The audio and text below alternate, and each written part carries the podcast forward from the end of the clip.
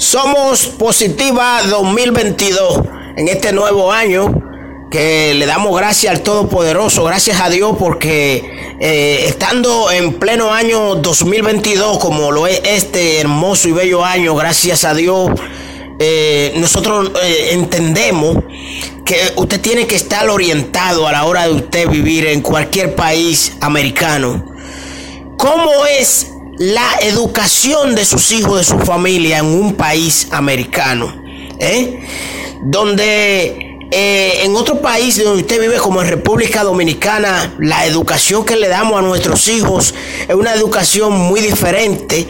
Es una, es una educación que por más que nosotros queramos, por más que usted quiera educar a sus hijos correctamente, no podemos criarlo tan correctamente porque no tenemos los mecanismos suficientes económicos para darle una buena educación a nuestros hijos. Pero ¿qué sucede en los países americanos, en los países de los Estados Unidos, donde nosotros allí debemos y tenemos de, darle una crianza muy diferente a nuestros hijos?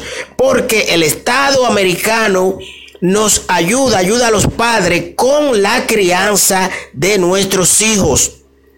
El Estado americano, el gobierno americano es responsable, también se hace responsable de ayudarnos a criar a nuestros hijos. Por eso el Estado americano, el gobierno americano, por eso tiene potestad para mandar en cualquier situación que se presente con nuestros hijos en los Estados Unidos, dentro de un estado de los Estados Unidos.